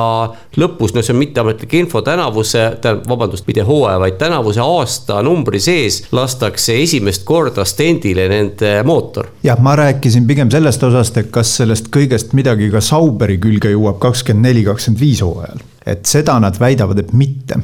ei, ei jõua jah ei, ei jõua ja, ja siis ongi, isegi kui sul on kõik olemas ja mootorid selle uue valemiga kaks tuhat kakskümmend kuus ei saa olema see diferentseeriv ei, ei, äh, jõud. ei, ma mõtlen et... lihtsalt seda, et kas näiteks, kas, kas puhtalt Hinwilli midagi investeeritakse. ei, absoluutselt, ma olen nõus ja minu teada ka midagi nad ei pane sinna nii, niimoodi on nad. ainult avalikult öelnud. mitte ja et kui sa isegi paned, sa ja sa võid praegu mootorit arendada, aga see ei ole, see ei ole jälle kaks tuhat neliteist, kui mootorid hakkab olema see, see peamine eristav jõud, siis see neli, neil läheb aastaid aega et, et sealt kuhugi jõuda, nii et see on täiesti arusaamatu, mida praegu nad, teevad ja miks nad ei taha või miks nad ei pane rohkem ressursse selle, selle alla, sest ilmselgelt Sauber praegu on, on üsna kehvas seisus, nad ei, nad ei suuda autot arendada ja neil ei ole kiire. see ei ole ainult auto ka, see on nagu kogu see üldine organisatsioon ja nagu me teame, praegu need talendid ka, kui sa tahad kedagi palgata, see võtab aasta vähemalt aega, et ta saaks sinu, sinu nagu kontorist sisse astuda ju. kohe need lepingud, kõik need, isegi kui leping on lõppenud teise võistkonnaga, sa pead ikka veel olema mingi vähemalt kuus kuud kuni kaksteist kuud äh, nii-öelda aianduspuhkusel, et see on, sa, sa pead neid asju praegu tegema ja, ja ju Fred Vasseur rääkis ka sellest ju selle aasta esimeses pooles. et see Ferrari ümberpööramise võtab nii kaua aega praegu, sest need inimesed, keda ta on palganud, ta ei, nad ei saa see aasta veel isegi liituda selle võistkonnaga mitte. no aga Sauberil on endal ka nüüd, kuna üks sponsor läks minema uut omanikku justkui nagu natukene on, justkui nagu päriselt ei ole, siis ongi selline interregnum, et lihtsalt lastaksegi vana rasva peal edasi tuleval aastal ja ületuleval aastal või? Neid hooaegu oli neil ju kahe tuhande kümnendate lõpus küll. nojah, kui üks peremees lasi jalga ja no muidugi on Sauberiga on kõige naljakam ongi see, et see on ju, nüüd on siis äh, kolmas paks sakslane ka, kes on paati tõmmatud Al, alustas ju Sauber Mercedese vormel üks meeskonnana sellest pidi saama, Mercedese tehase tiim tegelikult alguses. siis äh, see lõppes ära, siis vahepeal oli BMW ja nüüd siis Audi äh,. Red Bull oli ka tegelikult, paneme, paneme Red Bulli ka veel sinna üks sihuke Austria äh,. ja ei, ma mõtlesin, see, see, ma mõtlesin, pidasin nüüd seda kolme, kolme paksu saksa, saksa autofirmat, et kes Aa, on ja, ja. kõige, kõiges omavahel konkureerivad ka ja on nõus üksteist kasvõi teelusikasse ära uputama. et selline, selline kummaline, kummalised metamorfoosid metamorfoosid on tulnud jah, jah, aga lihtsalt oli, oli ka ju see, miks äh, Red Bull tahtis ka tegelikult ju Sauberit üle võtta täitsa ja, ja oli, oli ka nimi sponsor, kas oli nimi sponsorid või, või lihtsalt pea. oli vist küll hästi suurelt oli kirja, kirjad olid peal ja minu meelest oli Red Bulli värvides ikkagi ka täiesti. Oli värvides kõik oli, aga ma ei mäleta, kas ta oli nimisponsor või oli või lihtsalt peasponsor või midagi sellist, no vahet ei ole. ühesõnaga, seal oli ka ju lõpuks lihtsalt äh, Didi ja, ja Peeter läksid äh, omavahel veidikene, kas just sõitjatest tulenevalt eelkõige. kaklema ja. Bernoldi ja Raikkonen. see oli doktor Marko, kes selle jama kokku keeras, oleme ausad. doktor Marko ütles, et Enrique Bernoldi on kõva sõitja, Kimi Räikkönen pole mingi sõitja, kui te ei võta Bernoldit, siis meie raha ei saa. ja ei saanudki. jah, nii oli Seal... aga, aga räägime nüüd, räägime nüüd sellest eh, läinud hooajast, et kas Sauberi puhul midagi sellist silmapaistvat üldse meenub? korra jõudsid kahe autoga punktidele. no Show sõitis Hollandis mingi aeg teisel kohal näiteks, mulle tuleb meelde. Aga see oli vist ka kõik, kui neid, eh, tähendab, ega neid palju rohkem enam eh, eetris ei näidatud vist. no Holland no, väga hea näide. julgelt julgelt kõige anonüümsem võistkond üldse terve hooaja peale, Haas vähemalt paistis silma oma kvalifikatsioonidega Aa, ei, ja, ja siis selle meeletu kukkumisega. ei, nad paistsid aga... ikka silma ka, tähendab sellega, et ma mäletan, et siin Toomas ja Tarmo kiitsid nende Monza seda Oliverit jah, aga samas jälle kahe viimase etapi puhul, kus oli auto oli põhimõtteliselt oli peaaegu et must, siis oligi nähtamatu täpselt nagu ütlesid, anonüümne. jah, Monza värvilahendus oli parem. mida me veel oskame, mida me sõitjate tulevikust oskame öelda, minu, kui ma nüüd õigesti mäletan, siis peaks nii Botasel kui ka Guan Yu Zhou'l peaks tuleva aasta lõpus leping läbi saama. ma küll ei näe ausalt öeldes mingit põhjust, miks kummagagi peaks edasi jätkama seda sama siin ja aina rohkem on sahinaid ju selle ümber, et äh, tegelikult Audi tahab saada Sainzi omale. ja seal on juba ajaloolis-, ajaloolis-geneetilised põhjused perekondlikud sidemed Volkswagen Grupiga. just nojah, ja kui me mõtleme, et äh, Sauberi juunior Theo Purcher tuli tänavu vormel kaks sarjas meistriks, siis noh, ongi ju põhimõtteliselt sõitjate kaader justkui olemas sellepärast noh, tõesti, kui vaadata Botas äh, versus äh, Zhou või Guan Yu või kudapidi tal see perekonnanimi nüüd on, mina ei teagi, kuidas seal Hiinas neid lugema peab. siis ei ole ju niimoodi olnud, et kumbki neist teisest peajagu üle on või et Zhou särab nüüd seal selle Botase taustal, et Botas, kes on olnud Mercedesega etapivõitja ja, ja justkui tõusev täht ka Toto Wulfi käealune muuhulgas, et sellest on nüüd Zhou tükk maad parem sõitja ja ja tema on see õige valik. sellist Botta, muljet ei ole jäänud. Bottasega oli muidugi ka see, et äh, ega tal ei olnud kuigivõrd stabiilne hooaeg ja, ja seda paljuski ka autost tingituna ja, ja noh, vaata ei oska nüüd seda siit äh, distantsilt hinnata, kas äh, oli nüüd see põhjus, miks see show seal kõrval, Bottase kõrval niivõrd hästi silma paistis aga, aga jah, nad paistsid nii-öelda, ühesõnaga paberi peal nad tundusid suhteliselt nii-öelda samasse auku olevat. jah jah, ei kumbki ei paistnud silma. Potasel oli mingeid sähvatusi no,. aga mis, aga... mis me nendest nii palju räägime siis? no just. minu, minu jaoks see sähvatus oli, oligi see, kui ta tegi romurallit Strolliga, see muhe mullet mees, aga rohkem küll midagi ausalt sellest hooajast väga silma ei paistnud, et liigume edasi, see on ja, nii mõttetu. liigume edasi, liigume edasi võistkonna juurde, mille nimi tuleval aastal saab olema, me, me ei tea, milline saab olema, tänavune nimi on Alfa Tauri ja see tiim paistis silma, et äh, seal tiimis oli kaks korda rohkem sõitjaid kui üheski teises. ehk kokku siis neli sõitjat, Yuki Tsunoda e-, esindas seda tiimi hooaja algusest peale ja Tsunoda kogus seitseteist punkti, teistest sõitjatest Daniel Ricciardo kuus Liam Lawson kaks ja Nick De Vries, kes oli siis hooaja alguses esimesed kümme etappi, jäi tänavu ainsana kahekümne kahest osalenud sõitjast nulli peale ja teame siis siin, mis veel võeti Ricardo tema asemele, Ricardo Hollandis murdis käeluu, äh, maandati samasse autosse kohe kiiresti Liam Lawson, tuli auga välja, teenis isegi Singapuris lõpuks kaks punkti, tulevaks aastaks tõsi küll, ta ikkagi põhisõitja kohta ei saanud, see läks Ricardole aga kui me sellest tiimist nüüd kokkuvõttes vaatame, siis noh, võib vaielda muidugi, kumma tõus oli muljetavaldavam, kas McLareni või Alfa Tauri, aga fakt on see, et Alfa Tauri suutis saada hakkama niisuguse vägiteoga, et erakordselt kehvast autost tegi päris korraliku sõiduriista. nii palju, kui ma sellest äh, Beyond the Greed äh, podcast'ist aru sain, Franz Tost äh, vahetas seal mingisuguseid äh, töötajaid välja hooaja alguses pärast, juba pärast esimesi, esi, esimesi testi selle, teste, sellepärast et äh, lubati maad ja ilmad kokku tal alluvate poolt, aerodünaamika osakond ütles, et näitajad on väga head, numbrid on ilmelised, kõik on fantastiline, siis kui auto läks rajale, siis oli ta täielik sõnnikuvanker. nii et siin mõningas mõttes mul on kahju Nick de Vriesist, et ta sattus sinna võistkonda siis, kui, kui see auto tegelikult väga hea hooaja alguses ei olnud. sest mina ei arva, et Nick de Vries nüüd nii kehv vend oli, kui, kui need tulemused näitasid, aga see, see ongi minu arvamus, see on lihtsalt äh, kõhutunne. ta, see kõhutunne on nii või teistmoodi, aga tegid jah, nad päris, päris hea arengu läbi ja üleüldse ma soovitan veel kord, kolmandat korda vist juba seda Franz Tostiga podcast'i kuulata, tõesti äh, hea kuulamine ja kui sõiteid vaadata, siis äh, Tsunoda on teinud selge arengu, aga aeg-ajalt hooaja jooksul ikkagi see keevalisus lõi, lõi seal välja. Ricciardost muidugi loodeti väga palju, kahju, et ta selle, mis siis on, need kämblaluud siis murd-, murdis seal, kui rooliga vastu, vastu käelaba sai äh, Hollandis. et me ei teagi, milline see tema areng oleks võinud olla, noh, väidavad Red Bulli inimesed ja Kristjan Hordeni suu läbi eelkõige, et, et vana Ricardo on tagasi ja Lawson sai oma võimaluse, tõestas ennast ja seesama Franz Tost ütleb, et tema meelest Liam Lawson kuulub vormel üks seltskonda oma võimetelt. No ilmselt kuulubki, kuigi ta on ka nüüd arvestades seda kogu seda Red Bulli sisemist sõitjate dünaamikat, neil on ju veel terve ports noori sõitjaid madalamates sarjades, noh, räägime eelkõige vormel kahest, tänavu oli, kui palju, kuus autot oli Red Bulli värvides või? jah.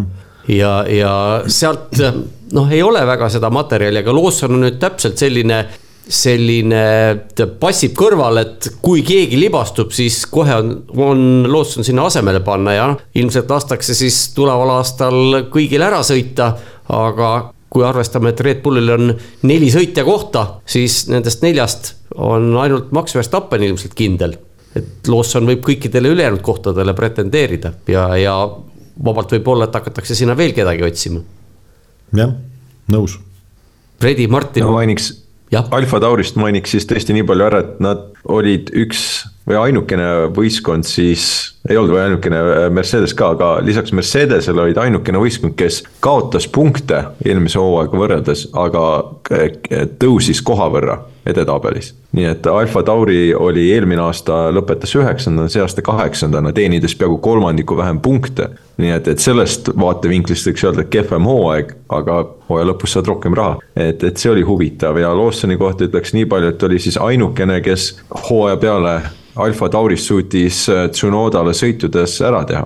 lõpetas rohkem sõite eespool kui Tsunoda jah, kui kvalifikatsioonivõrdlusi veel ka võtta, siis Tsunoda oli nendes duellides ükshaaval oli kõikidest, kõigist kolmest tiimikaaslasest oli, oli parem.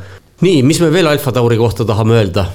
ma ütleks ainult nii palju, et ma oleks Lawsoni ka enda sinna tabelisse sisse pannud, kui seal ainult kohti oleks rohkem olnud, et, et väga. Martin räägib tabelist, millest kuulajad veel midagi ei tea. ja, kuhu me siis kõik neljakesi ladusime oma sõitjate paremusjärjestuse. kümme paremat. kümme paremat küll jah, et, et ei olnud kummis seda veel. jah kas me pikime selle tabeli tulemused siia vahele või sa tahad eraldi rääkida, Toomas? räägime vast eraldi, muidu me, muidu me läheme oma järjega ära, et eks me hoiame siin põnevust siis natukene.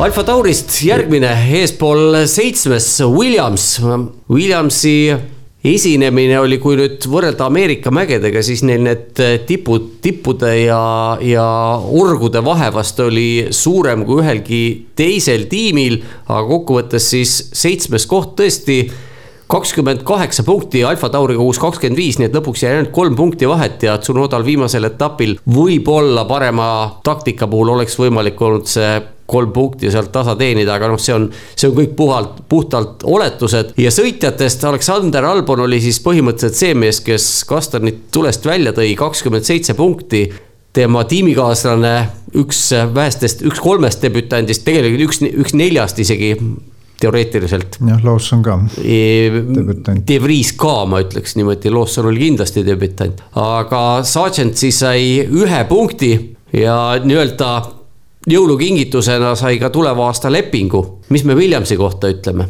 James Bowles on teinud head tööd või? no midagi seal hakkab toimuma, mina ütleksin niimoodi, et on selline tuluke tunneli lõpus, aga nagu sa, Toomas, tavatsid ikka öelda, et veel ei tea täpselt, et kas on nüüd vastu tulev rong või hakkab päike ükskord äh, paistma. aga paistab, et äh, mingisugused positiivsed arengud ikkagi on.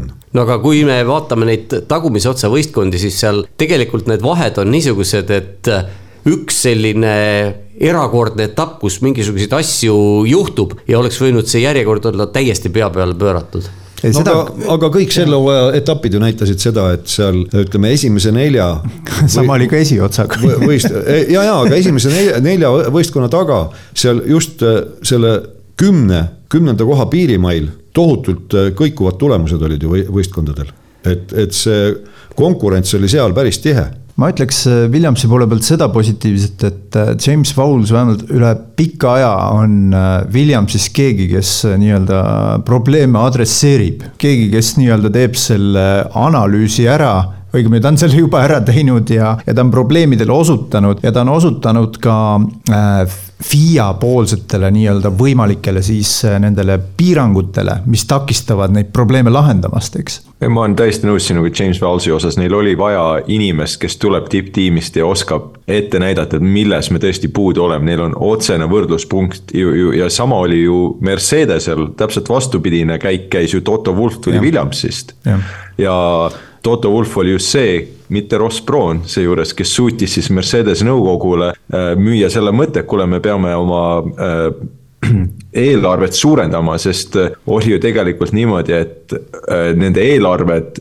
sellel Mercedesel aastal kaks tuhat kaksteist oli suurem natukene kui Williamsi oma aga nad maksid oma sõitjatele kordades-kordades rohkem raha ja Toto Wolfi lõpp e, nagu see point oligi selles, et tegelikult me arendame autot vähem kui Williams praegu sellesama eelarvega, mis meil on. ja, ja suutis selle maha müüa, nüüd, nüüd on vastupidine liikumine toimunud, kus siis Mercedesest täiesti tipptiimist tuli äh, Williamsisse ka inimene, kes teab mida modernne vormel üks võistkond vajab, mis on need tööriistad ja, ja, ja kõik struktuurid ja ressursid selle saavutamiseks, nii et see Jos Capito ei olnud see inimene enam, kes, kes seda oleks võinud seal saavutada. et see oli igati positiivne no, see ja.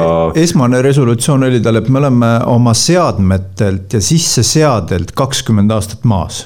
osadelt jah, ta ütles ja. osad asjad ja., jah, ja mitte kõik, aga, aga tõesti teatud hulk asju neil oli, mis oli tõesti kahe tuhandete alguses, kui oli veel Compaq oli sponsor neil ja BMW ehitas mootoreid ja nii edasi. aga mis ma ütleks siis veel selle sõitja koha pealt oli see, et äh, Williamsil on mingi huvitav tendents olla täitsa äh, sadistlik oma sõitjate või selle, selle osas, keda nad sõitjaks palkavad, sest kui me võtame siit see viimase kuue aasta peale selle nimekirjas, Botas Massa oli, oli väga hea äh, paar neile, oli tõesti selline jälle tipptiimist tuli sõitja, kes suutis ka asju, asju seal juhendada, Rob Smedliga töötas äh,.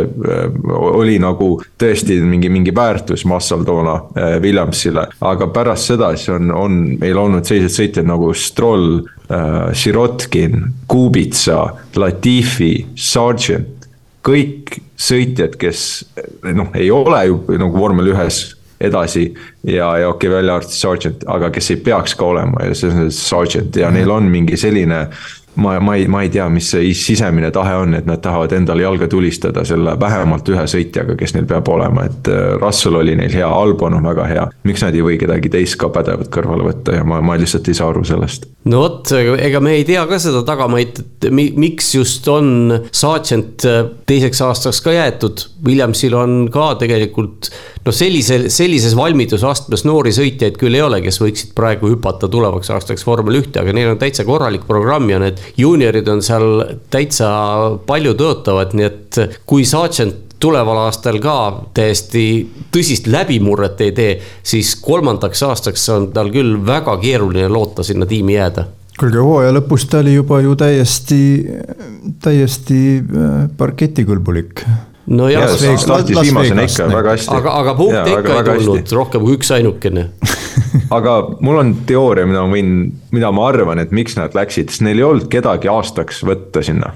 kes aasta, järgmisel aastal ja ainult selle järgmiseks aastaks saaks paremini hakkama või, või oleks, oleks siis nagu just selleks, siin on vahetäitja, sest ma olen, ma olen päris kindel, et James Vowles tahab äh, äh Antonellit endale.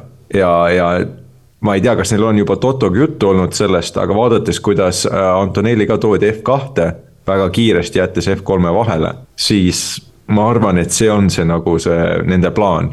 et, et tõesti lasta poisil tõestada ennast, kui ta, kui uustulnuka F2-s järgmine aasta hakkama saab, siis pannagi ta lihtsalt vormel ühte ja, ja mitte aega raisata ja las ta pigem kogub vormel ühes äh, kogemusi ja, ja, ja areneb, kui veeta veel mingi lisaaasta F2-s ei, ilma naljata, vaata, et, et täiesti võiski olla, et, et ei olnudki kedagi nii-öelda muud peale Sargenti äh, võtta sinna tiimi. lihtsalt selle, selleks lühikeseks perioodiks, eks ju no küll Just. neid, küll neid ikka oleks olnud võtta. ei no Kätemeri on loomulikult jah, suur, aga, aga, aga eh, tähendab lihtsalt puhtpraktiliselt otsa vaadates, et aga, aga kes seal siis nagu paremat tööd teeks, äkki keegi tõesti teeks, aga nagu kas me nagu sada protsenti selles kindlalt saame olla no,. mingisugune, mingisugune stabiilsus ikkagi on ja ega Sargenti veel kord, ega siis madalamates klassides ta oli vägagi pädev sõitja, ta ei olnud mingisugune kobakäpp, ta ei olnud mingisugune Latifi või, või, või Sirotkin ta oli ikkagi Oskar Piastriga võitles äh, vormel kolm tiitli pärast hooaja viimase etapini. just, hea küll nagu, et aga... see, sel aastal ta nüüd lõhkus nagu päris mitu korda autot, aga noh mis sa teed, aga noh, et kes sul, kes sul see teine siis oleks olnud, eks ju, targem, kes poleks noh, sel no, määral ebaõnnestunud. oli ka keeruline, see auto oli ka keeruline, sest ja. sellest äh, ülekannetes oli meil Tarmoga kogu aeg juttu, et Williamsi auto oli äärmiselt tuuletundlik ja äärmiselt temperatuuritundlik. ja tiim tegelikult teadis seda juba hooaja alguses ja seetõttu nad läksidki põhimõtteliselt teatud etappide peale välja, kus on edulootus ja noh, ülejäänud olid siis juba ette maha kantud ja muidugi, kui sul on esiteks on niisugune erakordselt kapriisne auto ja pistad sinna noore sõitja, kogemusteta vormel üks sõitja nagu Sargent oli, siis tal pidigi olema väga, väga keeruline. selles mõttes noh, heakene küll, ta ei oleks pidanud võib-olla kõige rohkem seda autot lõhkuma, kõige suuremat kahjusumma tekitama, aga ega sealt midagi väga palju loota ka ei olnud.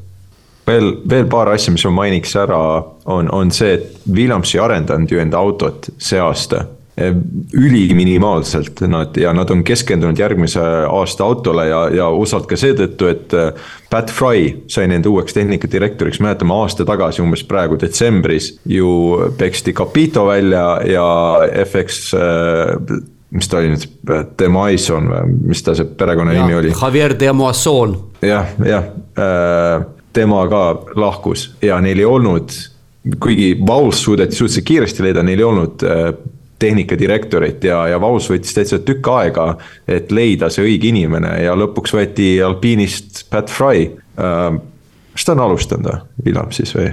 aga igatahes tema, tema nüüd see uus tehnikadirektor on ja, ja see Williams saab nagu tehniliselt uue hoo sisse selles mõttes, nii et siin on palju asju, mis lubavad loota, et ka järgmine hooaeg on Williamsil üsna viljakas või vähemalt viljakam kui, kui see hooaeg. vähemalt ma tahaks loota küll aga me ei ole vist Albonit üldse maininud või? Albonit ei ole maininud jah, aga Albon tegigi, Albon sai kuulsaks rongijuhina põhiliselt. noh, oleks olnud võimalik veel natukene rohkem, kui me mõtleme, et see Austraalia avarii oli täiesti asjatu. see oli koht tegelikult, kus oleks olnud võimalik ka väga hea tulemust teha.